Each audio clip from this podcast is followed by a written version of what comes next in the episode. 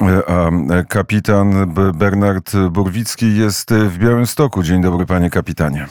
E, witam pana, panie Krzysztofie. E, witam Radio Wnet. E, Moje radio, bo go słucham.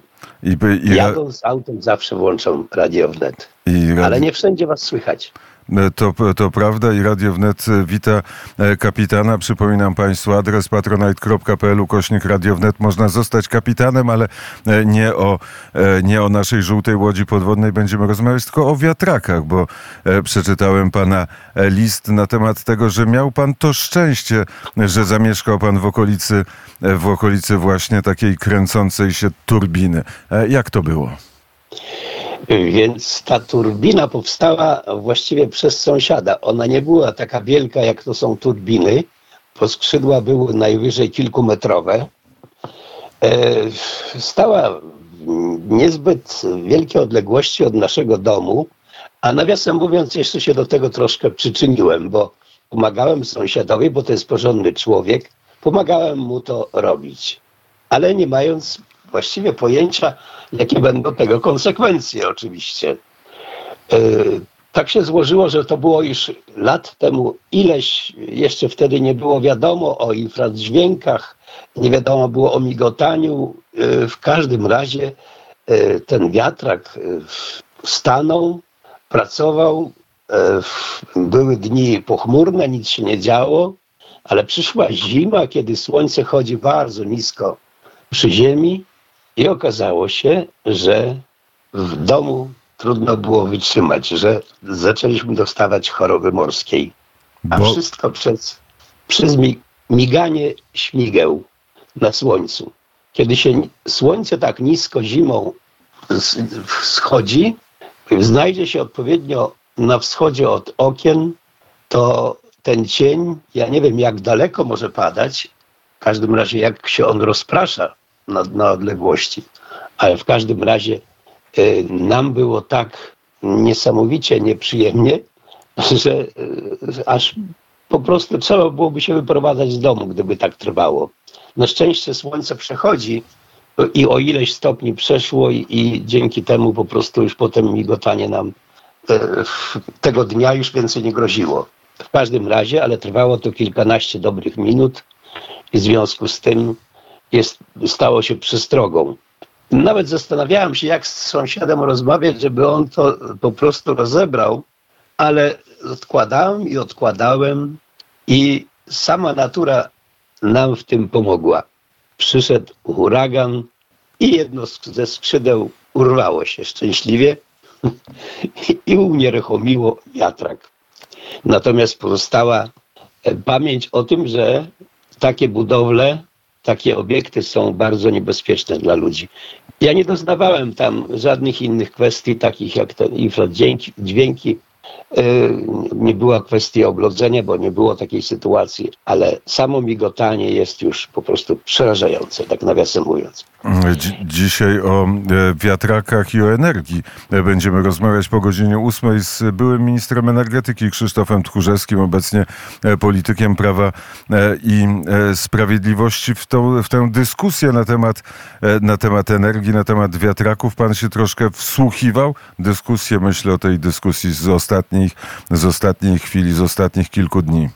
Tak, tak. E, więc to, co się dzieje, ten pomysł 300 metrami, to jest w ogóle to z mojego doświadczenia wynika, że najlepiej wiatraki czułyby się, gdyby były na morzu. Po prostu wiatraki z lądu na morze. To jest moje hasło. To doświadczenie, którego doznałem, to po prostu właściwie Człowiek nie jest stworzony do sąsiedztwa, do, a czy wiatraki są złym sąsiedztwem dla człowieka. Takie jest moje zdanie. I to jest zasadnicza kwestia, bo niezależnie od tego, gdzie się to stanie, gdzieś, gdzie one zostaną postawione, to prawdopodobnie, przy tym ja nie wiem, jak się cień rozprasza, bo jeżeli one stoją, zawsze będą stać komuś na wschodzie, to zawsze to słońce, jeżeli ma przestrzeń, będzie powodowało bardzo długi cień. I to migotanie zawsze będzie po prostu miało miejsce. I krótko mówiąc, jak to migotanie jest, to można zwariować. Myślę, że minister Krzysztof Tchórzewski wyjaśni, jak ważne w miksie energetycznym są wiatraki lądowe, jaka jest efektywność wiatraków lądowych, bo najprawdopodobniej to jest tylko taki przesąd, że one mają istotne znaczenie z punktu widzenia bezpieczeństwa energetycznego. Nawet wiadomo, że tak nie jest. To jest, potwierdzi to, mam nadzieję, minister Tchórzewski. Był pan współzałożycielem Solidarności, panie kapitanie? Tak, byłem. Tak się zdarzyło w życiu, no bo to był wybór.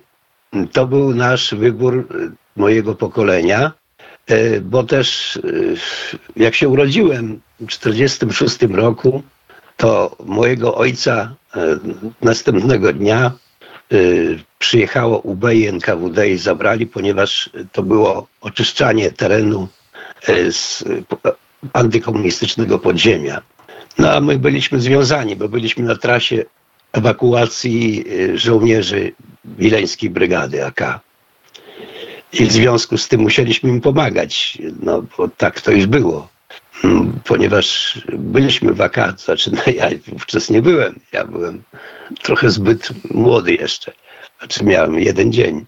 W każdym razie Także to zostało, to było w nas, że trzeba było w każdej sytuacji, w której y, należało, można była okazja y, pokazać, że jesteśmy Polakami, należało to po prostu pokazać. I to była, niezależnie od tego, czy wierzyliśmy w to, że na pewno zwyciężymy, czy nie wierzyliśmy w to, to należało po prostu tam iść. I tam się szło. I tak się weszło w Solidarność. w, w Solidarność, czyli poznał pan wszystkich liderów e, Solidarności, był pan e, internowany.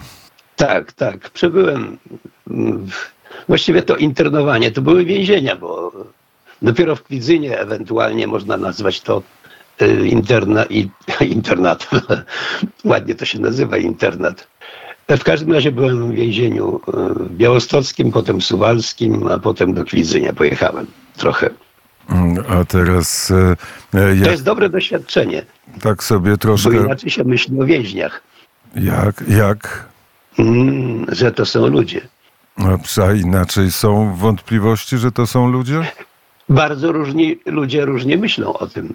W każdym razie w tamtym czasie to były, były takie praktyki stosowane, że ich przykuwano do kaloryfera i po prostu bito. A to nie jest to traktowanie człowieka. Nie jest to normalne. Dopiero my w tą sprawę żeśmy y, wyeliminowali. Solidarność to zmieniła. Dzięki temu, jak nas przywożono w Suwałkach do drugiego więzienia na kąpiel, to całe więzienie, nie wiadomo skąd oni wiedzieli, ale po otwarciu bramy skandowało Solidarność, Solidarność. To musiał być bardzo wzruszający e, moment. E, teraz wracamy do roku 2023. Za chwilę e, nowy, albo można powiedzieć nowo stary rząd, bo Donald Tusk utworzy swój własny gabinet i zostanie po raz drugi w swoim życiu premierem Rzeczpospolitej. Czego pan się spodziewa po nowej koalicji rządzącej? To znaczy, tutaj jest to pewien problem, bo nie wiadomo właściwie, kto tu będzie rządził, kto, czyje będzie na górze, bo jest ich tam tak wielu, są tak różne y, oczekiwania. Właściwie y, dla mnie to, to są pewne rzeczy nie do zaakceptowania, jeśli chodzi o LGBT, o gender, co jest forsowane. To jest taka ideologia, która się przebija i, i staje się czymś w ogóle zagrożeniem bliskie ruskim. Także tutaj trudno powiedzieć, jak to będzie. E, oczekiwania moje są oczywiście wiadomo, tutaj, bo jestem człowiekiem i jestem Polakiem i jestem w tym kraju. Nie wyjechałem, jak tego niektórzy chcieli, żebyśmy wyjeżdżali. I z tego powodu oczekuję, żeby to było mm, kontynuacja pewnych rzeczy, które były robione, które były planowane, no bo przecież tak jak e, CPK, jak port e, Świnoujście, no, cały szereg inwestycji, które są rozpoczęto realizować i również atom, to trzeba po prostu robić, bo inaczej my zostaniemy i po prostu zetrze nas czas. Polskę zetrze czas. A to jest jedno, jedna, jeden ze sposobów, żeby zostać. Powiedział pan, słucham radia wnet zawsze w samochodzie. A dlaczego radia wnet pan słucha? Ponieważ y, tak się składa, że wy jesteście, nie robicie propagandy, mm, bo wszyscy inni robią propagandę. Jeżeli coś robią, to jest to propaganda. Propaganda jest najgorszą formą przekonania człowieka. Znaczy, być może niektórych przekonuje, natomiast mnie to nie przekonuje. A podawanie pewnych informacji jednocześnie pewna oczywistość, że się ma takie, takie poglądy.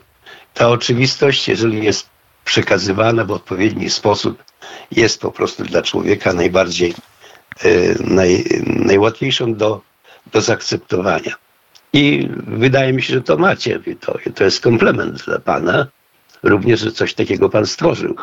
Tu kadzę Panu, jak Pan widzi, jak Pan słyszy. A dlaczego postanowił Pan zostać kapitanem i, i e, kupić, e, wykupić kajutę w naszej żółtej łodzi podwodnej i popłynąć z nami na rejs? Jako kapitan jestem komendantem, jestem dowódcą brygantyny. Nawet może nie kajuty, nie? To prawda. że oczywiście. Wie pan, dlatego, dlaczego to powiedziałem.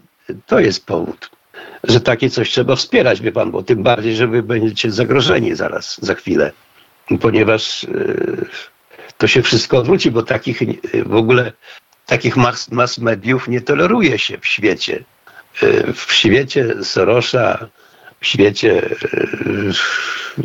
tego, tych, w ogóle tego, tego mm, tej politycznej, tej politycznej e, poprawności. Patrzę na zegarek, jest godzina 7.28. Za chwilę musimy wyruszyć w podróż do e, Szanghaju, bo tam już na pewno czeka Andrzej Zawadzki Elianka. A jeszcze, a jeszcze musimy powiedzieć o Bambuko. Co, co to a, było Bambuko? Klub Bambuko. Klub Bambuko to był taki yy, piwnicy, w piwnicy pomieszczenie, yy, które yy, zespół Anawa, chyba to oni stworzyli i tam Grechuta odbywał pierwsze próby z, z Janem Kantym Pawluśkiewiczem i właściwie on się tam urodził jako artysta. To było na miasteczku studenckim w Krakowie przy Reymonta. Tam się mieściło może 20 osób, jak, jak dobrze się upychało w tymże pomieszczeniu. I tego, I tego wszystkiego był pan e, świadkiem. Tak, byłem świadkiem, bo też tam e, próbowaliśmy jako studenci. E, mieszka, mieszkaliśmy w tym samym budynku, w tym samym bloku akademiku i po prostu dzieliliśmy się z Anawa tym pomieszczeniem trochę powiedział Bernard Burwicki, kapitan na naszym okręcie. Burwicki jest niż tak, do, mówiąc szczerze i prawdę. Jeszcze raz? Bujwicki. Wie pan, e, moje nazwisko różnie odmieniają, nawet Zbójnicki mówią, a przy czym mnie to nie przeszkadza. Ale bój e, to nie jest nasz ostatni. E, mam nadzieję, jest godzina 7.21. Bernard Bujwicki był gościem poranka wnet.